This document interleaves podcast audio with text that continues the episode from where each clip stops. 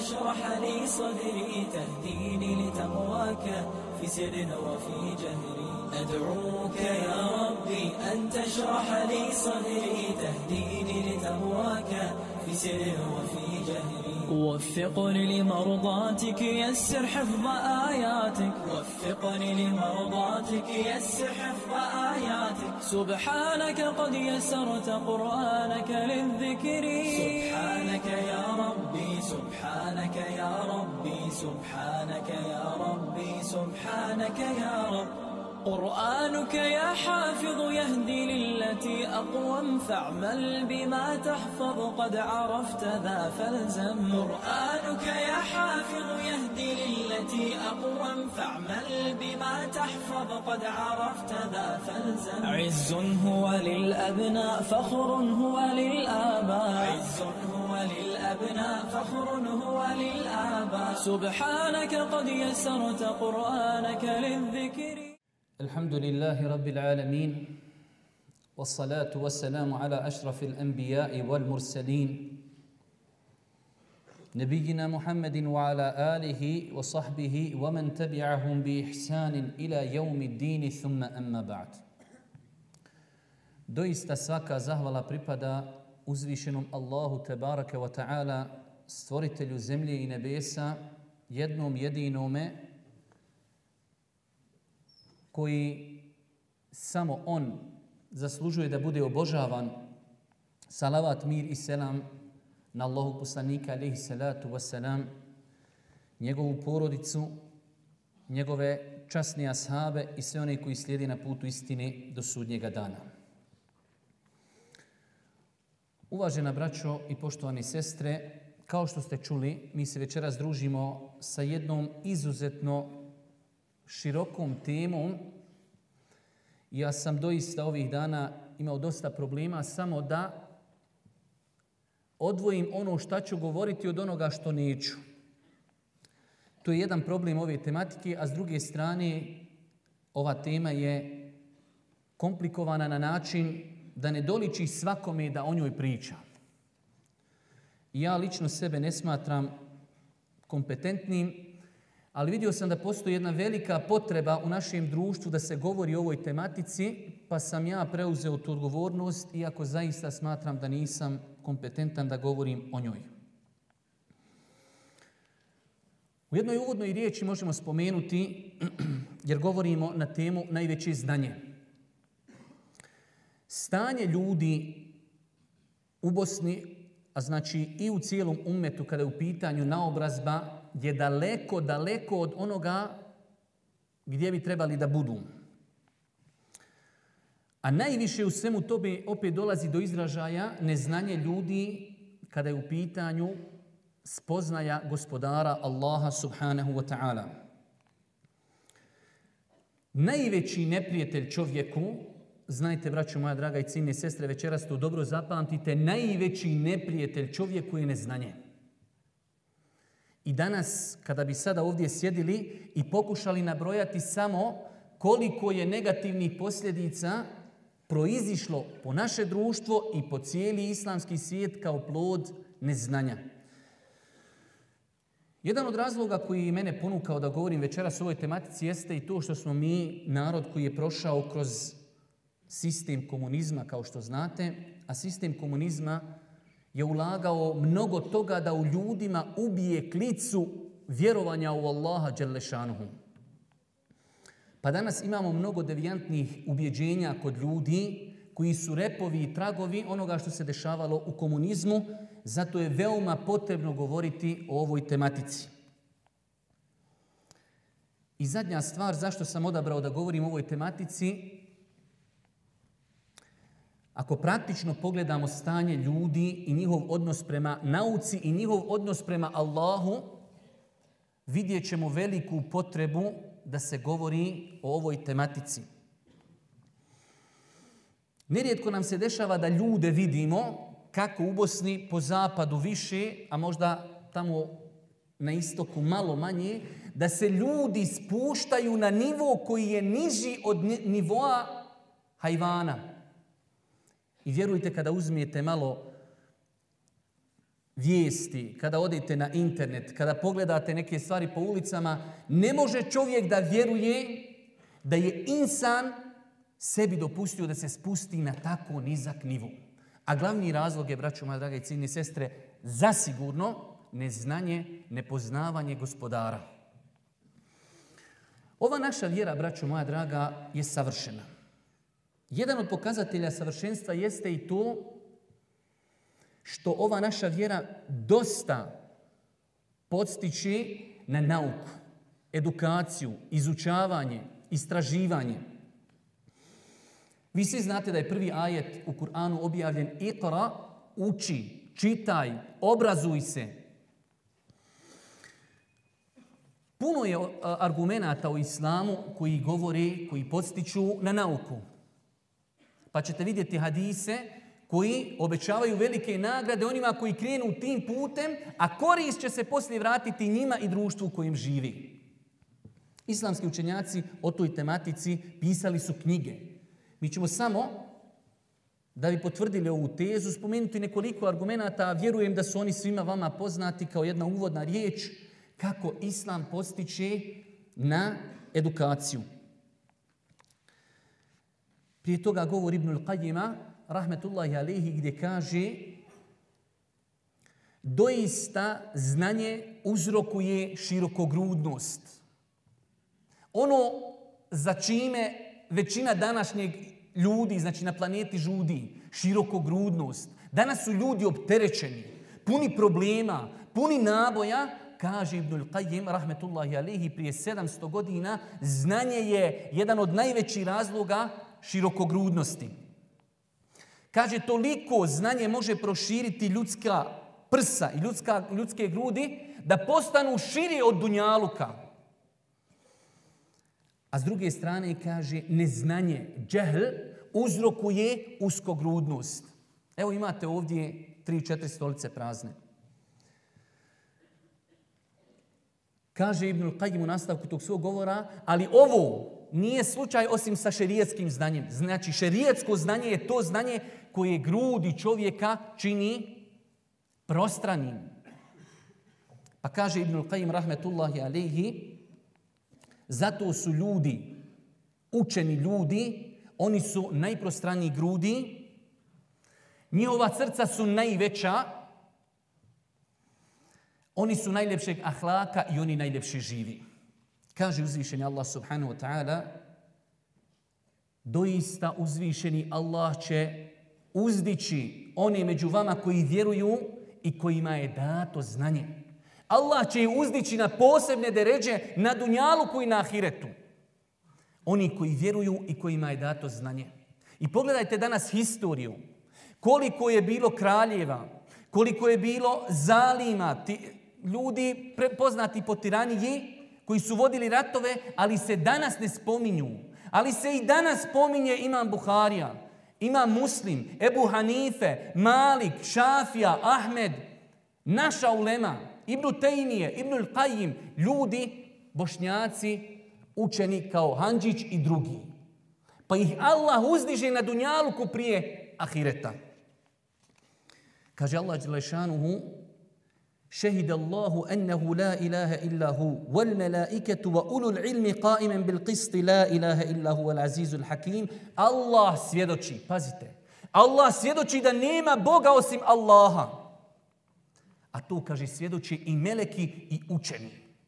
Allahu akbar. Kaže Ibnul Qajim, ovaj ajet kroz deset različitih segmenta ukazuje na vrijednost u Lemiji. Allahu akbar. Kaže, Allah je prihvatio njihovo svjedočenje. I Allah je prihvatio njihovo svjedočenje u najbitnijem pitanju na planeti jednoća Allaha Đelešanu et tauhid. Pa Allah Đelešanu kaže Allah svjedoči da nema drugog Boga osim Allaha, a to svjedoče i meleki i učeni. Pa je Allah prihvatio njihovu svjedočbu što svakako ukazuje na veliko mjesto učenjaka. Kaže Allah Đelešanu, innema jahša Allahe min ibadihi l'ulema, doista se Allaha istinski boje njegovi robovi učeni. Istinski strah dolazi putem znanja. I to ćemo večeras non stop potencirati. Ne može se čovjek bojati Allaha osim ako ga spozna. I to je naslov našeg predavanja. To je najveće znanje. Kada čovjek spozna svoga gospodara, Kada spozna svoga gospodara, on je naučio sve što je trebao naučiti. A kada ne spozna svoga gospodara, bez obzira što naučio na Dunjaluku, on ne zna ništa. Pogledajte Japance. Oni su izvor tehnologije danas. Ali pogledajte, ne mogu da svati. Nakon što napravi jedan laptop da treba neko da ga upali, ne može sam, ne mogu da svati da postoji stvoritelj zemlje i nebesa i ovaj sklad na zemlji, na nebesima, u ljudskom tijelu, nemoguće da je došao sam od sebe. Kaže Allahu poslanik alaihi salatu wasalam u hadisu koji je izbilžio imam Buharija, od Muavije radi Allahu ta'ala anhu, kom je Allah želi dobro i hajr, kom je Allah želi dobro i hajr, uputi ga na put znanja, razumijevanja vjeri. Zato kada vidite čovjeka koji uči, trudi se, studira, znajte da je to pokazatelj da ga Allah voli. Isto tako, u vjerodostojnom hadisu stoji da je došao jedan čovjek Ebu Derdau. Ebu Derda je bio ashab i otišao je nakon smrti Božije poslanika živjeti u Šamu u Damasku. Pa jedne prilike sjedio u mesčidu pa mu je došao jedan čovjek iz Medini. Kaže o Ebu Derda, čuo sam da ti prenosiš jedan hadis od poslanika, pa sam došao da te pitam za njega. Ja kaže, nijem druge potrebi. Iz Medine došao u Šam, u Damask, samo da pita za jedan hadis. Pa mu kaže Ebu Derda, samo si zbog toga došao, kaže da. E kaže, blago tebi. Prije nego što me upitaš da ti kažem šta sam čuo poslanika da kaže u vezi onoga ko kreni putem znanja. Kaže, Allahu poslanik nam je kazao, onaj ko krene putem traženja znanja, Allah će mu tim putem olakšati put ka džennetu. Jedna vrijednost. Ko krene putem traženja znanja, Allah će mu tim putem olakšati put ka džennetu. Da nema ništa više osim ovo dovoljno je. Jer čovjek može ka džennetu ići samo putem znanja. I vidjet ćete, ako imate vremena, velik broj današnjih sekti imaju dobre namjere, ali im je šetan prišao s aspekta neznanja. Pa kaže Ebu Darda u nastavku hadisa, doista meleki, Allahova nepogrešiva stvorenja, stavljaju svoja krila pred onoga koji je krenuo putem nauke i zadovoljstva prema onome što radi. To je druga stvar. Treća stvar kaže doista stanovnici nebesa, meleki, i stanovnici zemlji, pa čak ribe u vodi, čine istikvar za insana koji je krenuo putem znanja. Stanovnici nebesa, stanovnici zemlji, riba u vodi. Mi kad dođemo, kad ribe gledamo, samo gledamo može li u tavu stat. A one sirotice dole iz tikvar čini za učenjake. Pa nastavlja Ebu Derda, prenoseći hadis Božijeg poslanika, doista je vrijednost alima nad pobožnim, ne nad običnim insanom. Vrijednost učenog nad pobožnim je kao vrijednost mjeseca u noći uštapa, kada je noć, kada je mjesec pun, nad ostalim zvijezdama. Vidjeli ste kakva je razlika mjesec i pored njega zvijezdice? E takva je razlika između učenog i pobožnog. A šta mislite kakva je razlika između učenog i pod navnim znacima običnog insana? I na kraju kaže Ebu Derda u nastavku peta stvar ovog hadisa, kaže doista su učenjaci nasljednici poslanika, poslanici nisu ostavili niti srebrenjake, niti zlatnike iza sebe. Oni su ostavili znanje. Ko uzme, kaže, to znanje, uzeo je nešto najskuplje na svijetu. To su u islamu vrijednosti sticanja znanja. I zadnji hadis kaže Allahu poslanik u hadisu koji je šeha Albani ocjenio dobrim, kaže ko ode jednom porani u džamiju da bi nešto naučio ili da bi nekog podučio, imaće, kaže, potpunu nagradu onoga koji je otišao na hađ i obavio hađ. Ne možeš otići na hađ. Nemamo para. Boži poslanik kaže, ko ode samo jednom u džamiju, da bi nešto novo naučio ili da bi nekoga podučio, da nekoga naučiš jedan harf sufaru, kaže, samo jedan taj odlazak je nagrada kao potpuno obavljen hađ. Allahu akbar. Sve nas to vodi u pravcu da vidimo koliko islam podstiče ljude na nauku. A rekli smo o tome su učenjaci pisali posebna djela. S druge strane, neznanje u islamu se uvijek spominje u negativnom kontekstu. I da neznanje, nema druge mahani, osim što ga niko sebi ne pripisuje, dovoljno je. Ima li neko, osim oni kad se nafiksaju, kad mu kažeš neznalico, njemu drago. Niko, Svaki razumom čovjek kad mu kažeš neznalico, uši mu se za crveni. Ali evo nekoliko dokaza u islamu da islam iz korijena liječi neznanje. Kaže Allah Đelešanu u razgovoru između Nuha alaihi selam i gospodara kaže mu Allah Đelešanu inni e'idhuke en tekune minel džahilin o Nuhu ja te savjetujem nikako neznalica nemoj biti. Musa alihi selam kada je židovima kazao da Allah od njih traže da zakolju kravu, pa kažu oni, jel to ti se i smijaješ sa nama? Kaže Musa alihi salatu wasalam, utječim se Allahu da neznalica budem. Musa alihi selam, jedan od odabranih pet uh, eh, uh, eh, poslanika, vjerovjesnika, on kaže, utječim se Allahu da budem neznalica. Isto tako hadisu koji je zabilježio imam Buharija i Muslim od Abdullah ibn Amra el Asa radi Allahu ta'ala nam kaže rekao je Allahu poslanik alejhi salatu vesselam Allah neće uzdići znanje tako što će ga iščupati ljudski srca. Ne. Kaže, već će Allah uzdići znanje sa zemlje tako što će umirati učenjaci. Pa kaže, kada izumru učenjaci, ljudi će se okrenuti neznalicama pa će ih početi pitati šerijatska pitanja, fetve, pa će im, kaže, odgovoriti bez znanja. Pa će, kaže, odvesti prvo sebe u zabludu i one koji su ih pitali. Neznanje. I danas, tako mi Allaha, ja sebe ne smatram učenjem. Možda jesam dobio na tom fakultetu ključeve od znanja, ali nisam učen. Ali kada vidim ljude pod navodnim znacima učene, učene, Jer kod nas je bitno samo da je to nekako vezano za islam. Čovjek studirao čitav život kaligrafiju. Kaže, alim. On čitav život volan samo pravi freske. Kaže, alim. Koji alim? Znači, moramo znati šta znači riječ alim. Šta znači čovjek učen. I onda takvog negdje dovedu uh, u emisiju, on tumači o vehabijama, o teroristima, o nikabima, o hijabima i tako dalje. On siroma kad mu se odvežu pertle ne zna i svezat. Čitav život staje po pertlama i upada na nos i dođe on priča o tim nekim krupnim temama, on je alim. Isto tako, kaže Allahu poslaniku Hadisu Enesa, od Buhari i muslima, Kaže, od predznaka sudnjeg dana jeste da će nestati znanja i da će se proširiti neznanje i da će se povećati pijenje alkohola i da će se povećati prostitucija. I danas tako mi Allaha znači neznanje je, neznanje je se toliko raširilo da je nemoguće opisati. I zadnji hadis koji govori u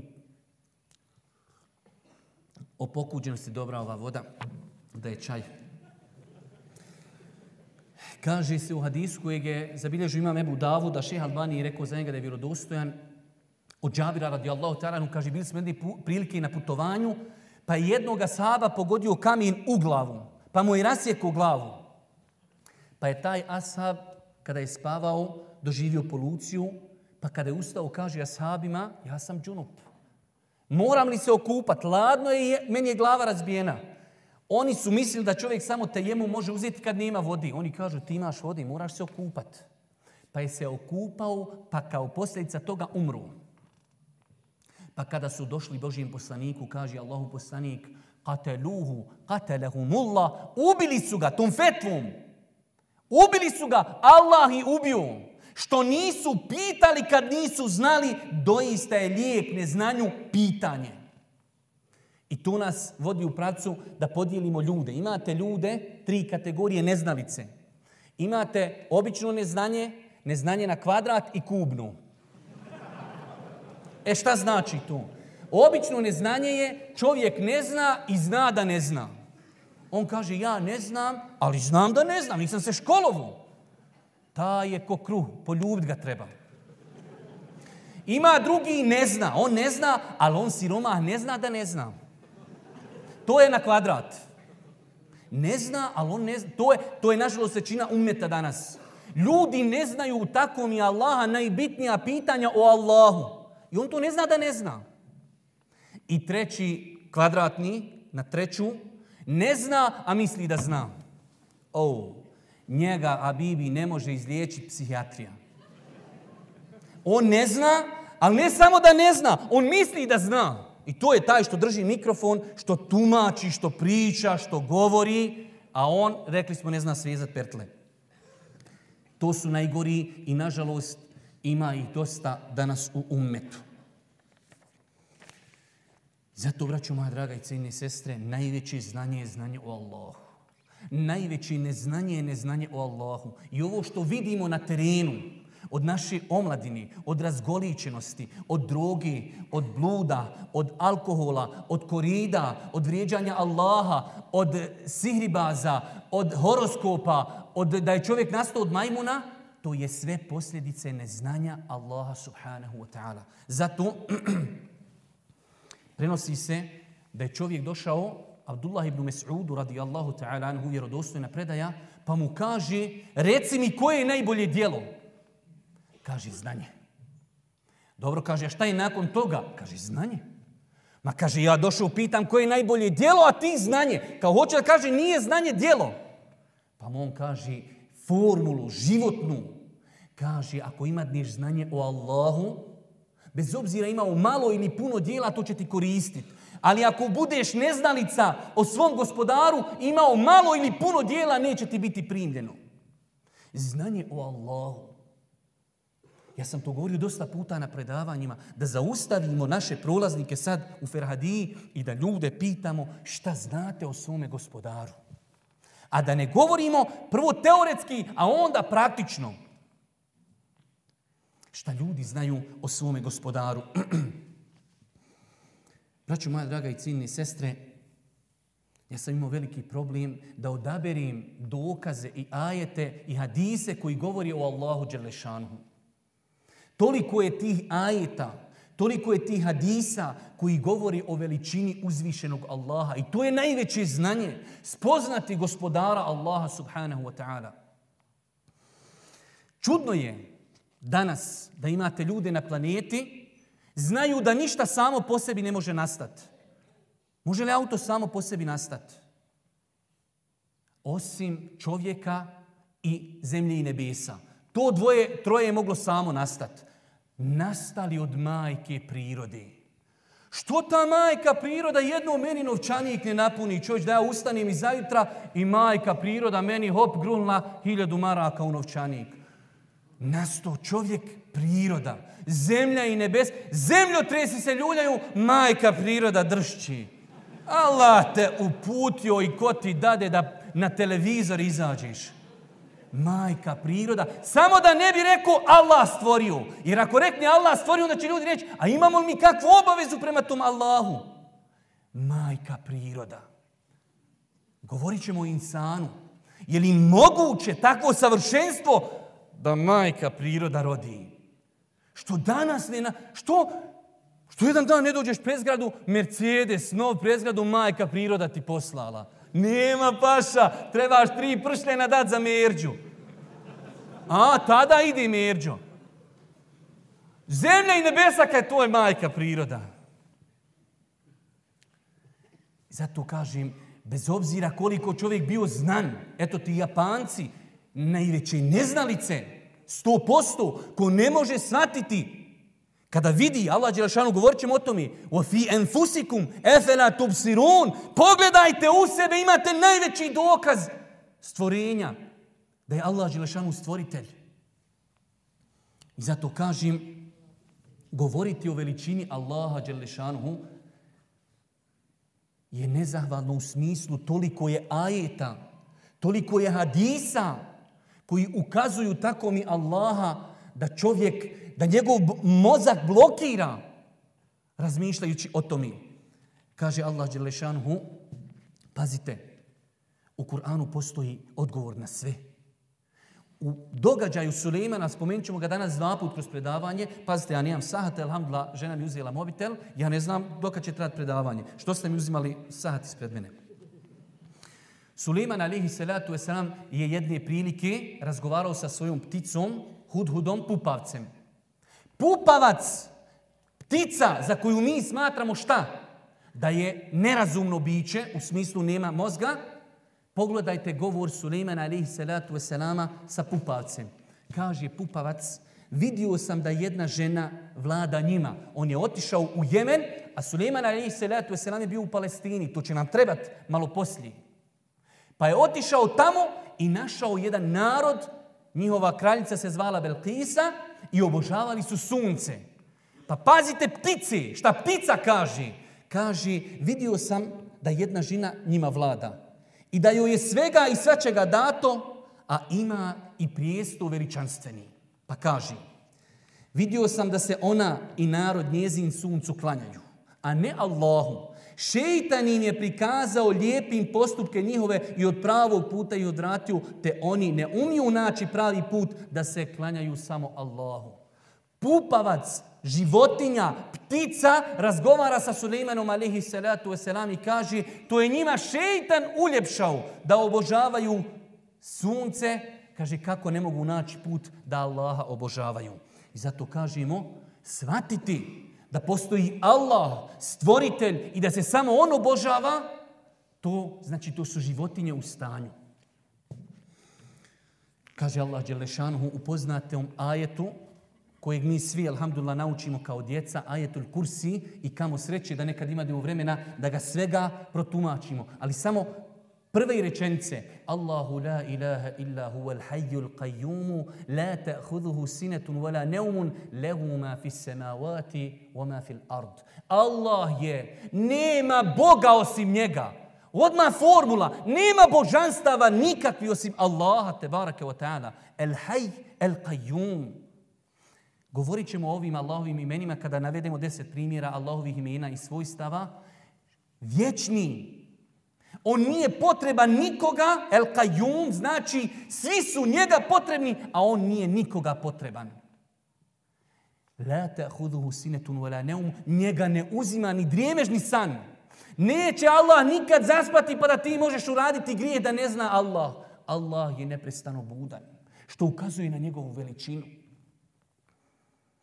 Lehu ma fi semavati, wa ma fil ard, njegovo je, u njegovom mulku, u njegovom posjedu i sve što je na zemlji i na nebesima. Mi, mi smo Allahovi. Sam ti, o robe, nisi svoj. Ti svoje tijelo ne možeš koristiti kako hoćeš. Možeš ga koristiti kako ti je Allah naredio. I onda insan ustane, psuje Allaha, vrijeđa gospodara, vrijeđa stvoritelja zemlje i nebesa, ne pokoraje se onome što od njega gospodar traži. Kaže Allah Đelešanuhu,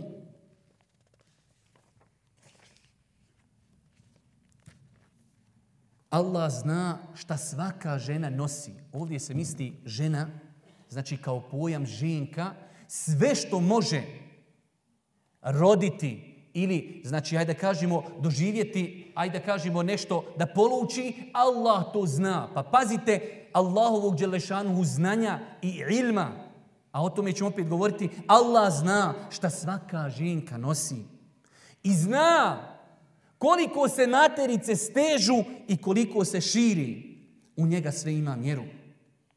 On zna vidljivi i nevidljivi svijet. On je veličanstven i uzvišeni. Za njega je jednak od vas onaj ko tiho govori i onaj ko glasno govori. Onaj koji se noću skriva i onaj koji po danu hoda. Allahu akbar. Govoriti tajno i govoriti znači u sebi ili tajno, javno, Allahu je tu isto. Noć i dan kod Allaha je isto. Također, Allah Đelšanu kaže, kada želi nešto, on samo kaže, budi i ono bude. La ilaha illallah. Wa huwa ala kulli še'in qadir. Allah je svemogući. mogući. Sve što može pasti na tvoj razum, Allah je mogu. Allah je umogućen za to uradi. Sve mogući. Kada želi nešto, samo kaže budi i ono bude. Samo da znamo ovaj ajet. Da li bi se mogle naše grudi stegnuti u problemima ako imamo gospodara koji ne spava, koji je svemogući, koji daje na faku, koji kada želi nešto samo kaže budi i ono budi. Isto tako Allah Đelšanu kaže oni ne, ne veličaju Allaha onako kako ga treba veličati. Čitava zemlja će na sudnjem danu u šaci njegovoj biti. A nebesa će u desnici njegovoj smotana ostati. La ilaha illallah. Nebesa kompletna će u Allahu i desnici biti na sudnjem danu.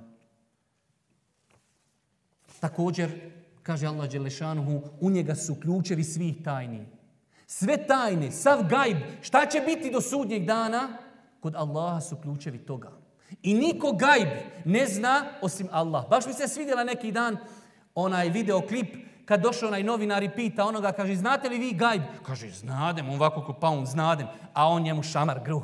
Hop, veli, ako si znao gajb što nisi znao da ću ti šamar zvizniti, pa što nisi sklonu. On ovako još kaže, znadem gajb, a on šamar gruh.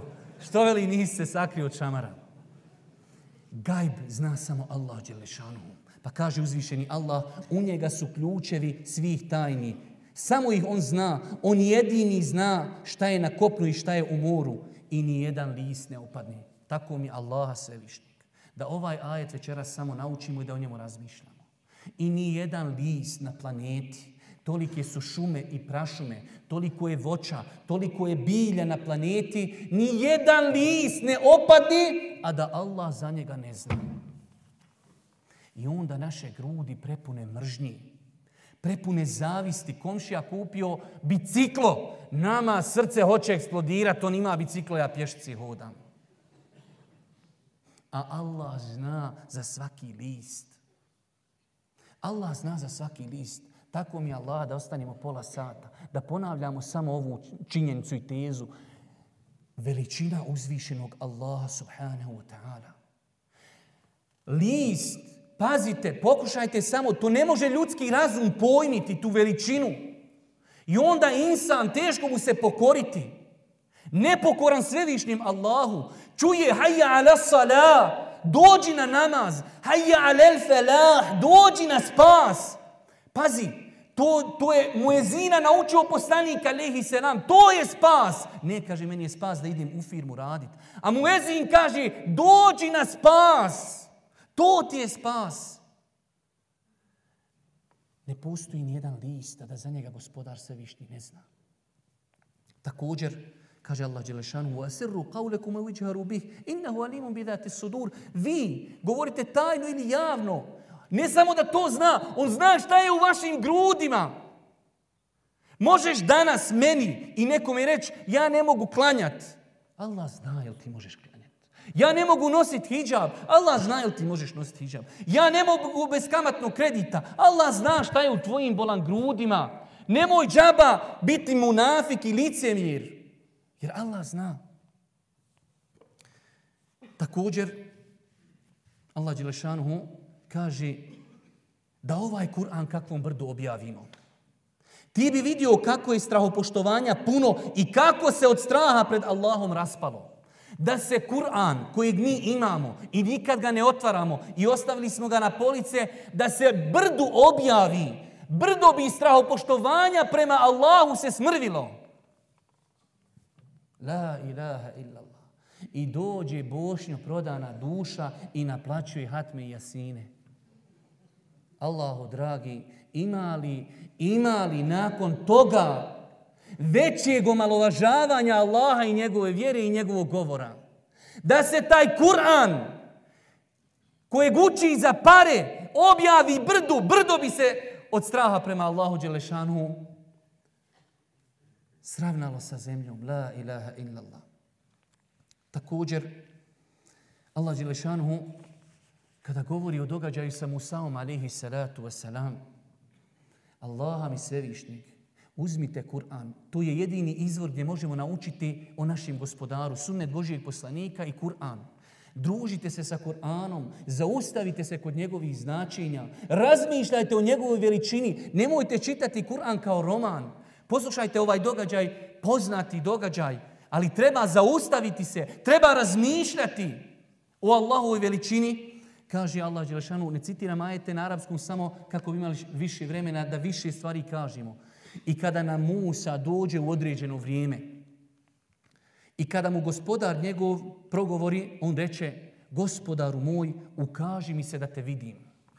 Musa, alihi salatu wasalam, došao kod gospodara na razgovor. I svoje želje, ljubavi prema Allahu, kaže, gospodaru, daj da te vidim. Kaže Allah Đelešanu, ne možeš me Musa vidjeti. Ali gledaj Musa u ovo brdo, pa ako me ono mogne vidjeti, vidjet ćeš me. Kaže Allah Đelešanu, pa kada se Allah Đelešanu pokazao brdu, ono je se sa zemljom sravnalo. Pa Musa kad je to vidio, pa on je svist. U hadisu kojeg bilježi imam Tirmizija i Ahmed, kaže Boži poslanik, Allah Đelešanu je pokazao tom brdu od svoga bića samo kolika je ovaj dio malog prsta. Nije se Allah Đelešanu kompletan pokazao tom brdu. Pokazao je samo jedan dio koliki je mali prst i to znači samo jedan dio. Pa se brdo, braćo moja draga i ciljne sestre, od uzvišenosti prema Allahu Đelešanu i njegove veličine znači sravnilo sa zemljom. Isto tako,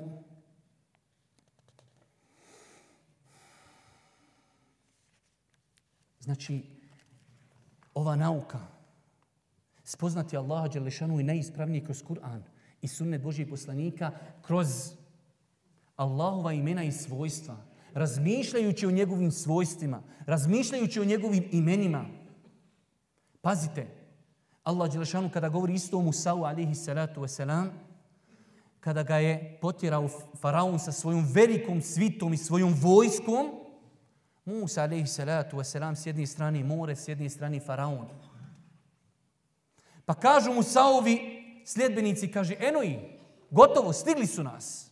Ne, ne, kaže, samo mi moj gospodar. Allahu akbar. Kaže, pa je Allah Žešan naredio mu Sauda svojim štapom. To je Allahov kudret, Allahova moć. Kada si Allahov štićenik, više dunjalučki zakoni ne vrijede za tebe. Kaže, pa smo naredili mu Sauda udari svojim štapom po moru pa je udario, pa se more. Pazite koliko stvari u jednom događaju, veoma bitniji. Da li danas postoji nešto što može jedno more rascijepiti na dvije polovine? A Musa udarcem štapom napravio 12 prolaza kroz more. Kaže, pa su postali ti zidovi kao velika brda i stijene. O tome nam, to nam Kur'an govori. Kaže Allah Đelešanhu, provedi o Musa svoj narod po suhome putu. Pazite, dovoljno je muđize da pukne more na 12 prolaza. Ali većina muđize se još ogleda da je ta zemlja dole postala suha. I znate šta još? Kaže Allah Đelešanhu za faraona, el jeumenu neđike. Danas ćemo mi samo tebe spasiti. Kada je živio faraon? Prije koliko hiljada godina? Kada a danas je njegovo tijelo prisutno u Egiptu. Danas ćemo te, kaže, sačuvati da budeš onima koji dolaze dokaz. Allahu, dragi se višnji. Ali ljudi neće da razmišljaju. Neće ljudi da razmišljaju o Allahove veličini. Ovaj događaj sa Musaom, alihi salatu wasalam, da čovjek samo pokuša zamisliti taj događaj, pucanje mora na 12 prolaza, su put, Čak neki učenjaci navodi, iako to mi nema dokaza, da je Allah dao prozore između tih 12 puteva da ljudi jedni druge vide, jer nisu mogli svići kroz jedan prolaz. Pa da čovjek vidi svoje rođake i prijatelje tamo kako se ne bi za njih brinuo. La ilaha illallah. I onda insan, ova sićušna molekulica, podigne glas na Allaha Đelešanu. Vrijeđa poslanika, alihi salatu wasalam. Vrijeđa vjeru islamu Doista je hrabar tako mi Allaha, svako onaj. Ko čuje nared uzvišenog Allaha pa se ne odazove. Zato kažu selefi, nemoj gledati u grijeh, već gledaj veličinu onoga kome si napravio grijeh. Pogledaj veličinu onoga kome si nepokoran. To je onaj koji kada kaže budi ono, bude, more se rascijepi. On je stvorio zemlju i nebesa. Njegovo je sve što je na zemlji i na nebesima. Allah Đelešanu je alim, sveznajući.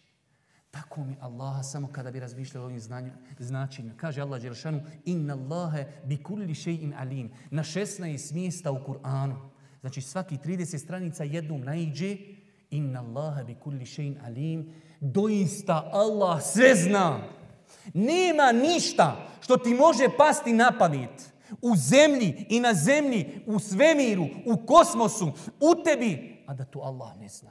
Inna Allahe bi kulli še'in alim. A Iša kaže u hadisu Buharije, došla je žena da se žali na svog muža. U Aišinoj sobici. Njena sobica je bila 2 sa 2 metra. 4 kvadratna metra. I kaže, ona sjedi sa poslanikom. Žali se na svog muža. Ja nešto čujem, nešto ne čujem. Ne mogu razumjeti jer šapori sa poslanikom. Allah objavljuje suru Mujadele iznad sedam nebesa i kaže Kad semi Allah, sigurno je Allah čuo onu koja se došla žaliti na svog muža. Iznad sedam nebesa Allah Đelešanu je čuo. To je samo jedno Allahovo ime, Alim, sveznajući. On sve zna. Također, Allah zna sve jezike razumije ti govor na glas. Razumije kada svi ljudi u grupi govori. Svi stotinu ljudi, hiljadu ljudi, milion ljudi na refatu isto vrijeme Allahu dovu upućuju. I Allah te sve dove čuje. I svima se odaziva. Isto tako, Allah je se mir, sve čuje. Sve zna, sve čuje, sve vidi. Kaže Allah Đelešanu, innehu bi kulli shay'in basir. Allah sve vidi. Nema mjesta, nema mjesta, zapamti danas. Nema mjesta da se možeš od Allaha sakt. I čemu onda čovjek da čini grijehe kad ga kao navodno ljudi ne vidi? Pitanje je onda koliko smo shvatili veličinu uzvišenog Allaha Đelešanhu. Isto tako, Allah je hakim, mudri, Sve što naredi ima mudrost. Sve što zabrani ima mudrost. Njegova knjiga je najmudrija knjiga na planeti. Najistinitija knjiga na planeti. Šta god da nam treba, trebamo naći u toj knjizi. On daje mudrost kome hoće. Uzima je od koga hoće. Zato što je on mudri. Isto tako, uzvišen je Allah subhanu wa ta'ala je tawab. Onaj koji prima teube. Znači, svi ovi ajeti, sva imena uzvišnog Allah Đelšanu imaju potporu u Kur'anu, ali imamo vremena da navodimo dokaze. Etawab, onaj koji prima pokajanja od svojih robova i čak šta viši, kažu islamski učenjaci, etawab, onaj koji prima teubu, obuvata i to da Allah ti podari želju za teubom. I koliko puta mi ljudi dolaze, juče, prekuće mi dolazi pitanje, še, uradio sam to i to, mogu li se pokajati? Zapamtite. Zapamtite. Allah je tawab, prima pokajanje, ne postoji grijeh. Ne postoji grijeh. Najveći grijeh u islamu je kufr. Pa je Allah dozvolio ljudima da iz nevjesta uđu u islamu. Zato što čovjek uradi manje od toga je mnogo preći da bude primljeno kod Allaha ako se ispuni uvjeti, ako to ostavi radi Allaha, ako se zbog toga pokaje, ako odluči da se više nikada neće vratiti, Allah će mu uprostiti i čak šta više loša djela u dobra pretvoriti, kao što je došlo u suri Furkan 70. ajet. Znači, ette uvab, Tolika milost, toliki rahmet Allaha Đelešanu, čovjek koji godinama bio u nevjerstvu, pripisivao mu sina, pripisivao mu, Allah mu ostavio vrata da se pokaji. Zato isto tako mi iz ovoga možemo uzeti mnogo koristi. Nemoj gubiti nadu ni u koga. Ma kaže, on je čitav život. Ne, Allah je tawab. Allah će primiti pokajanje šta god da je čovjek uradio. radio. Također, Allah Đelešanu od njegovih imena jeste da je razak. Allah daje obskrbu. Zapamtite večeras. Najveći problemi danas na planeti nastaju iz pohlepe. Ljudi trče za nafakom. Zapamtite. Allahu poslani kaže u vredostrum hadisu Čovjek kada oživi u utrobi svoje majke nakon 120 dana, Allah mu pošalje meleka i propiše mu četiri stvari – Prva stvar, propiše mu na faku. Znači, na faka čovjekova je određena. I neispravno je. To je sumnja u gospodara da čovjek kaže ja ne klanjam zato što idem radim. A dobro, ko hrani one životinje na planeti, ko hrani ptice, koliko je životinskih carstava na planeti, koji hrani? Zato je Allah ar-Razzaq, on daje na faku. On je određuje nekom je više, nekom je manje iz njegove mudrosti. On od ljudi ne traži protu uslugu zbog na faki, kao što mi radimo jedni drugima. Allah Đelešanuhu kaže وَمَا مِنْ دَابَّتٍ فِي الْأَرْضِ إِلَّا عَلَى اللَّهِ رِزْقُهَا Ne postoji živo biće na planeti, a da ga Allah ne obskrbljuje.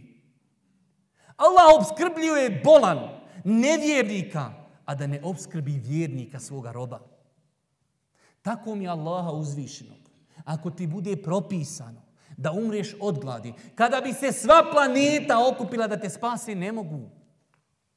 Zato je jeftiv izgovor, providan izgovor, šupan izgovor, ukazuje na to da čovjek nije spoznao gospodara, da čovjek kaže ja ne klanjam zato što idem za nafakum. Farz je, kaže, raditi. Dobro da zna riječ farz, ne znam gdje je nju naučio. Isto tako Allah je haj, živi. Pazite Allahova veličina. Vidite, prijesednici velikih država, vladari, kraljevi, bogataši, milijarderi, ali kada dođu u smrtne muke, može li neko odbiti meleka smrti? To vam ukazuje na veličinu Allaha. Faraon je bio faraon, jedan od najbogatijih ljudi historije. Ali je li mogao odbiti svoju smrt? To vam ukazuje na veličinu Allaha. To vam ukazuje na našu slabost, a o tome ćemo govoriti posebno.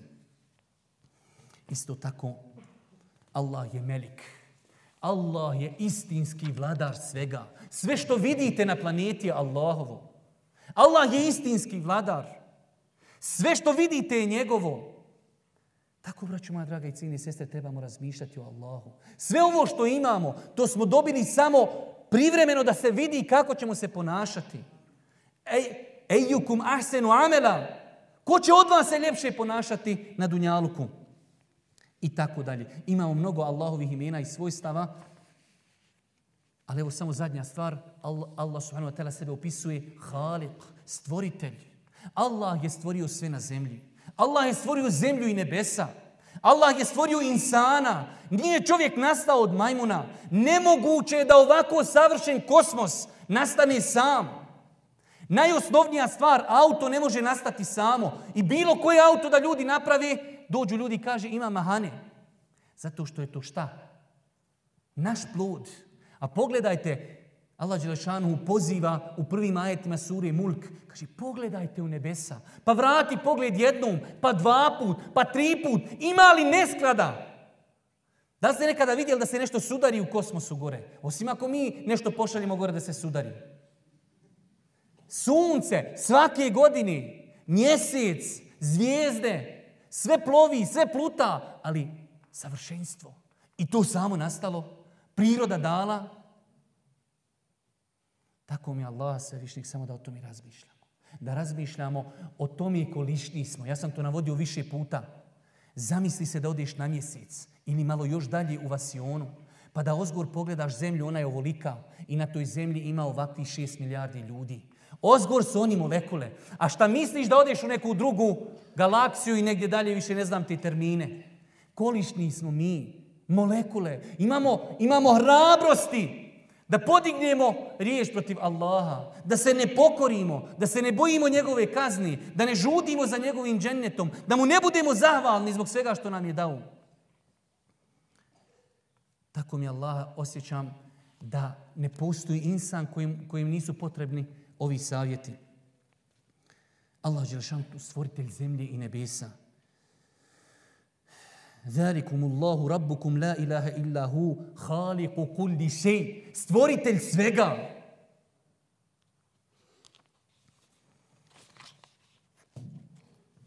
Na kraju, braću moja draga, na kraju, na kraju ovog dijela, inšala, ima još jedan manji dio predavanja po Bogdan. Hadisi koji govori uzvišenom Allahu Đelešanu.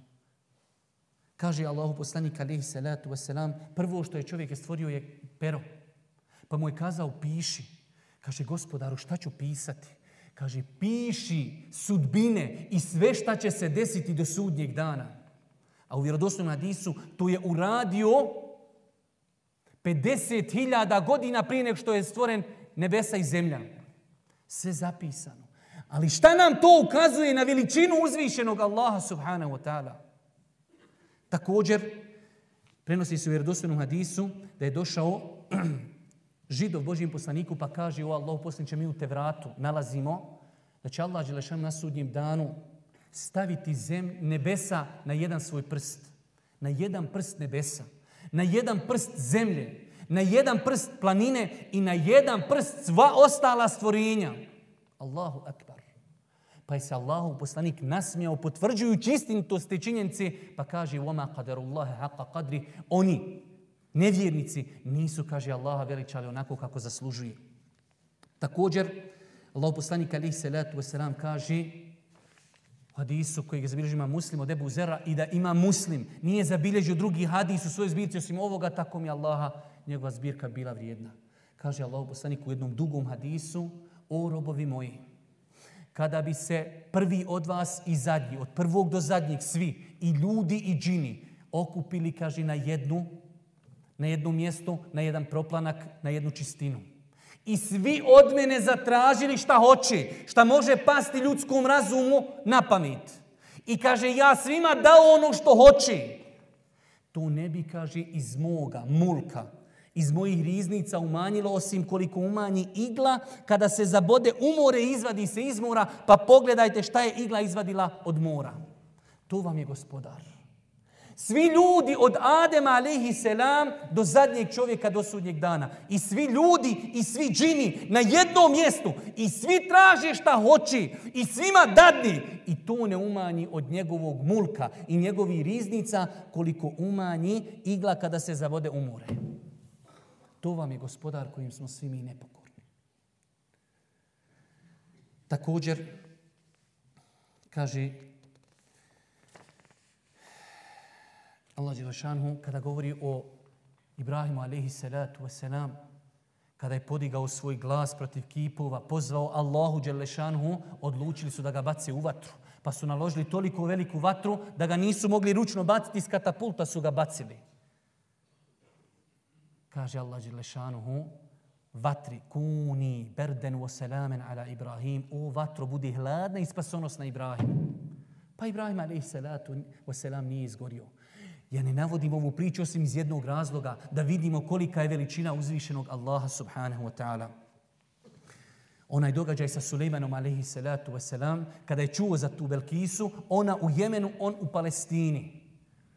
Pa kaže, kada mu je Pupavac rekao da ona ima veliki prijestol, kaže, ko će mi donijeti njen prijestol? Pa kaže Ifrit, jedan od džina, ja ću ti ga donijeti prije što ustaneš. Kaže drugi džin, ja ću ti ga, kaže, donijeti, pazite, Palestina, Jemen.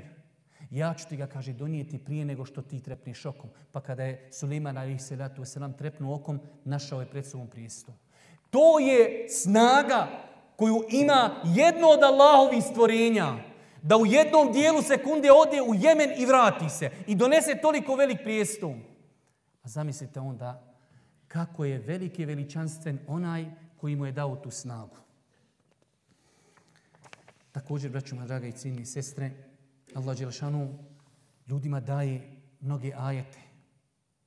Dao nam je, znači, ajete, dao nam je u nebesima, u zemlji, u nama samima. Zato Allah Đelšanu kaže وَفِي أَنْفُسِكُمْ مَفَرَا تُبْسِرُونَ Zašto ne pogledate u sebe? Tako vam Allaha uzmite, otiđite malo na internet. Nemojte samo koristiti internet u negativnom kontekstu.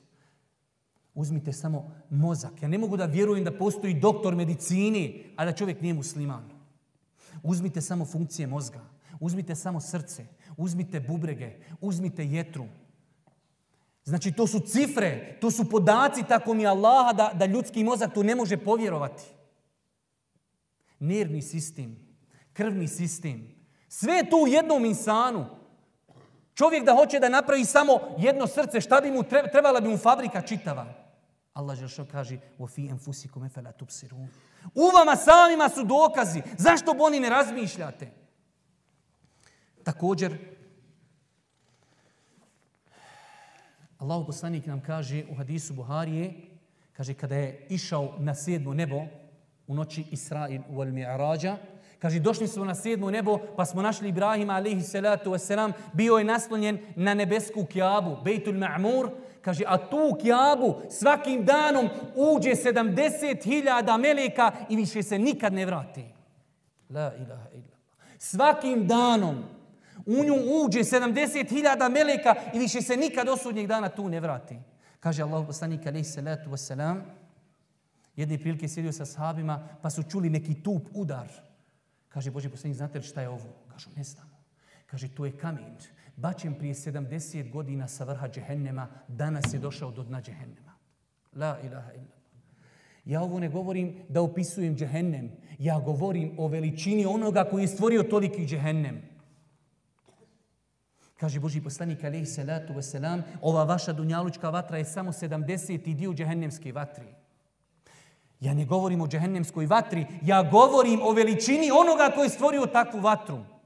Kaže Allah poslaniku i radosnom hadisu, nevjednik će biti toliko velikog tijela na sudnjem danu da što veću patnju ispati, kaže samo njegov zub, kutnjak će biti kao brdo uhud. Kaže Allah poslanik alaihi salatu wasalam, dobio sam dozvolu da vam samo govorim o jednom meleku koji je nosi arš uzvišenog Allaha od meke resice njegovog uha do njegovog ramena je 700 godina hoda. To vam je Allah. To vam je gospodar. I onda vidite ljude. Zato ćemo govoriti o jednom od ti srčani ibadeta. Mi smo tu većinom zakazali. Srčani ibadeti. Mi pazimo na vanštinu. Brada, nogavice, nikav. Naša srca gdje su? Gdje su? Strahuju li od Allaha? Plaču li pred Allahom? Na koga se oslanjamo?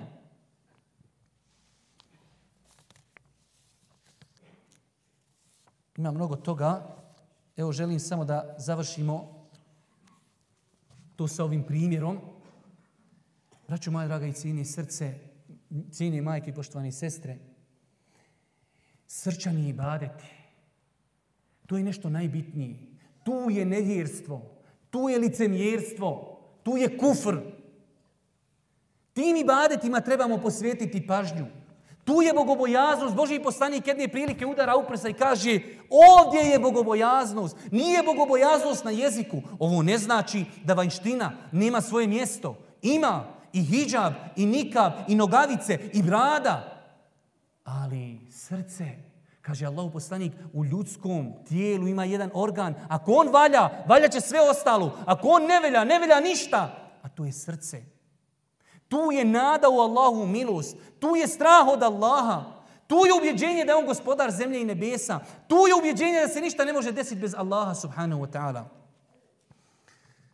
Kaže Allah Đelešanhu, ومن يتوكل على الله فهو حسبه onaj ko se na Allaha osloni on mu je dovoljan budimo iskreni ja primijetim na sebi slabost na koga se mi oslanjamo na pare na porodicu ako imamo kakvog prijatelja doktora nekoga političara ako smo bogati ako auto ako jer se oslanjamo na dunjalu ili na Allaha subhanahu wa ta'ala ومن يتوكل على الله فهو حسبه onaj ko se osloni na Allaha on mu je dovoljan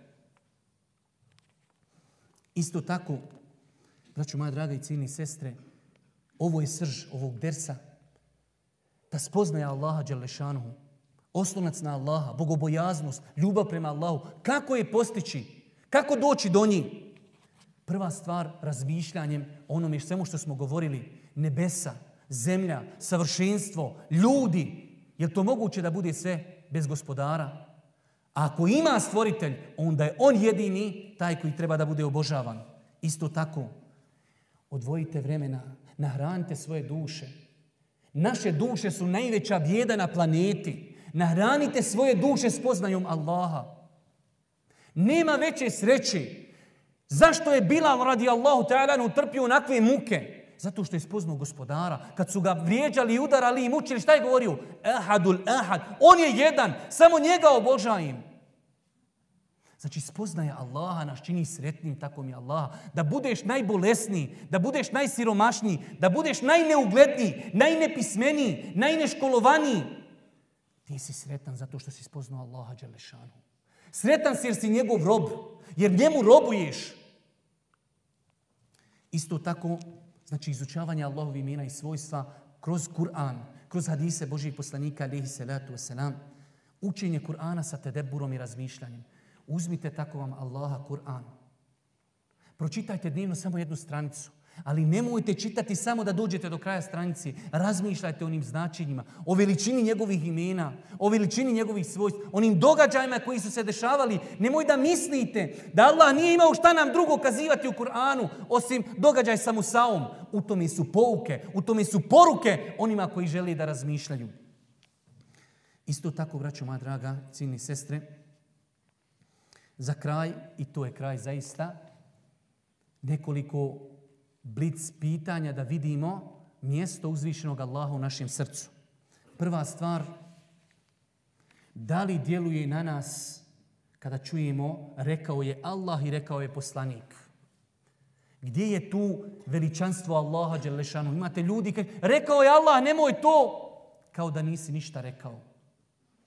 Tu možete preispitati svoje srce.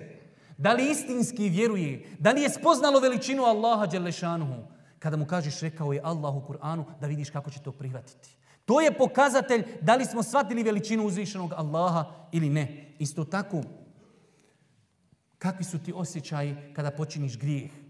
Da li te to kopka? Da li te to boli? Da li te to žulja? Da li ne možeš od toga zaspati? Ili je to ništa, kao što kaže ili u hadisu ili u predajama, sodno znači e, govor u lemi, Licemjer kaže, gleda svoje grijehe kao mušica. Samo mahni rukom i oni kaže, mušica ode. A mu'min gleda grijehe kao veliko brdo pod kojim on sjedi. Pa čeka samo kada će se na njega obrušiti. Kakvi smo mi kada uradimo grijeh? Da li nas to žulja? Zbog veličine Allaha Đelešanuhu. Isto tako, kakav si, kako se ponašaš kada nisi sa ljudima, kada si sam. Tu dolazi do izražaja strah od Allaha. Ne dolazi ovdje. Sada se mi svi jedni drugima smiješimo i selamimo. I... Ali istinska bogobojaznost, spoznaja Allaha, dolazi onog momenta kada si sam. Inne ledine jahšeune rabbehum bil gajbi. Oni koji se Allaha boje, kad? Kad su sami. Oni imaju nagradu, oni imaju oprost. Ovo je samo blic pitanje. Sam sebi postavi. Da li se razlikuje tvoj život kad si sam i kad si sa ljudima? Isto tako, Jedna opasna stvar. Loposlanik alaih salatu wasalam je kazao jedan hadis koji je izuzetno, izuzetno težak. Kaže Allah poslanik, doće ljudi na sudnji dan. Donijeće dijela velika kao brda tihami. U arapskom tamo svijetu, prema Jemenu, imaju velika brda tihami. Tolika, kaže, dobra dijela će donijeti, ali će ih, kaže, Allah u prah pretvoriti. Pa su rekli, sabi, Allah poslaniće, zašto? Reći nam šta je problem kaže, to su ljudi koji su, kaže, kada bi se osamili sa Allahom i njegovim granicama, kršili bi granice. A pred ljudima su bili nešto drugo. Čuvajte se, braćo moja draga i cijenje sestre, ove stvari. Isto tako, da li Allahu i njegovoj vjeri, iako Allahu ne treba ništa, imate onom hadisu od Ebu Zerra, gdje smo govorili kada bi se iskupili svi i tako, Allah Žešanu kaže, kada bi svi vi bili kao najbogobojaznije srce jednog među vama, to Allahu ništa ne povećaje. I da budete kao najgore srce jednog od vas, to Allahu ništa ne smanjuje. Znači, ibade treba nama, ne treba Allahu. Ali ovdje pitanje, kakav je naš odnos prema Allahu? Je li samo Allahu dajemo, pod navodnim znacima dajemo, ono što je višak? Višak vremena, višak zdravlja, višak imetka. metka ili nam je Allah Đelešanu uvijek prvi. Len tenalu birra hatta tunfiqu mimma tuhibbun. Nećete postići savršenstvo dok ne budete udjeljivali od onoga što volite. To asabi kad su čuli, znate šta su radili? Prvo sjedni i razmišlja šta mu je najdraže od imetka. Kaže Talha radijallahu ta'ala, kad je objavljen ovaj ajet, sjeo sam i kontam šta mi je najdraži. Najdraža mi je, kaže, bila hadika i bašta pored džamije Božijeg poslanika. Zašto mi je bila najdraža? Božiji poslanik kada bi klanjao podni namaz, izišao bi i tu bi stratio, napio bi se vode i uzeo bi datula. To mi je bila, kaže, najdraža zemlja. Kaže Allahu poslaniće, Allah Žešanu kaže, nećete postići dobročinstvo dok ne budete udjeljivali ono što najviše volite. Ova bašta je meni najdraža, ona je vakuf radi Allaha subhanahu wa ta'ala. Zato postavi sebi pitanje, i ja sebi, svi zajedno, šta Allahu dajemo? Je li ono samo što, što smo iznosali, ono što je već potrošeno ili ono što je najbolji? Tu ćeš znati gdje je mjesto Allaha kod tebe u tvom životu. Isto tako, da li interese ljudi stavljamo iznad interese Allaha Đalešanuhu? Insan koji svati veličinu Allaha, nemoguće je. Nemoguće da dadni prednost interesu ljudi i dunjaluka nad Allahom Đelešanhu. Ovo ne znači da ne treba biti mudar, lijepa riječ i sve to, ali interes Allaha Đelešanhu. A to je naš interes. Samo govorimo da bi pojasnili. Kada dođe nešto da uradiš, a to se krši sa Allahovim naredbama, ne daj nikome pravo nad Allahom Đelešanhu. I zadnja stvar, braću moja draga i ciljni sestre, da vidimo Allah Đelešanu rekli smo zna šta je u našim grudima. Da se stidimo Allaha da nađe u našem srcu nešto što on ne voli. Jer znamo da Allah Đelešanu zna šta je u našim srcima. Braću moja draga i cijene sestre, ovo je tema duga. Rezimirat ćemo nekoliko rečenica. Ova naša vjera postići na znanje, postići na edukaciju, prvenstveno najveće znanje, najveća edukacija spoznati Allaha Đelešanuhu Naš gospodar ima savršena imena i svojstva. Nažalost, ljudi u ovoj dunjalučkoj kolotečini nimaju vremena da spoznaju svoga gospodara. Zato vam savjetujem. Tako mi Allaha ono što volim sebi, volim i vama. Odvojite vremena. Družite se sa svojim gospodarom. Uzmite knjige, vjerodostojne knjige. Imate lijepu knjigu od našeg šeha Sanela Ramića u kojoj govorio o Allahovim imenima i svojstvima. Čitajte, družite se, sa Allahom Đelešanu. Spoznajte svog gospodara. Budite zadovoljni, tako mi Allaha nema većeg zadovoljstva od spoznaja Allaha Đelešanu. Allah Đelešanu nam je dao toliko dokaza. Sami mi smo toliko slabi. Ne treba nam veća slabost osim da smo nastali od kaplici semena. Koliko je samo pokazatelja da smo slabi? Može li neko odbiti smrt? Može li neko odbiti bolest? Zato vam kažem, družite se sa knjigama koje govori o Allahu Đelešanu, jačajte svoje vjerovanje. Nemojte sebi dopustiti, nemojte sebi dopustiti da čujete da vaš gospodar nešto traži od vas, a da posumnjate u to, on je el-hakim, on je mudri, tako mi je Allaha svevišnjeg. Sve što Allah naredi, samo se koristraća nama. Mogli bi o tome govoriti nadugo i naširoko. Molim Allaha Đelešanu da vas nagradi za vašu pažnju. Molim Allaha Đelešanu da u naša srca ulije iman koji će veličati Allaha Đelešanu. Molim ga Subhanu Wa Ta'ala da nas učini od onih koji će ga spoznati istinskom spoznajom. Molim Allaha Đelešanu da nas učini od onih koji će se ga istinski bojati i javno i tajno. Molim Allaha Đelešanu da pomogne našu braću muslimane, man gdje bili. Molim Allaha Đelešanu da nas učini na putu istine. I na kraju, Subhanu Wa Ta'ala, da bihamdike, šedu in la ilaha ila in stalfiru kevetubu ilike. أدعوك يا ربي أن تشرح لي صدري تهديني لتقواك في سر وفي جهري أدعوك يا ربي أن تشرح لي صدري تهديني لتقواك في سر وفي جهري وفقني لمرضاتك يسر حفظ آياتك وفقني لمرضاتك يسر حفظ آياتك سبحانك قد يسرت قرآنك للذكر سبحانك يا ربي سبحانك يا ربي سبحانك يا ربي سبحانك يا رب قرآنك يا حافظ يهدي للتي أقوم فاعمل بما تحفظ قد عرفت ذا فالزم قرآنك يا حافظ يهدي للتي أقوم فاعمل بما تحفظ قد عرفت ذا فالزم عز هو للأبناء فخر هو للآباء عز هو للأبناء فخر هو للآباء سبحانك قد يسرت قرآنك للذكر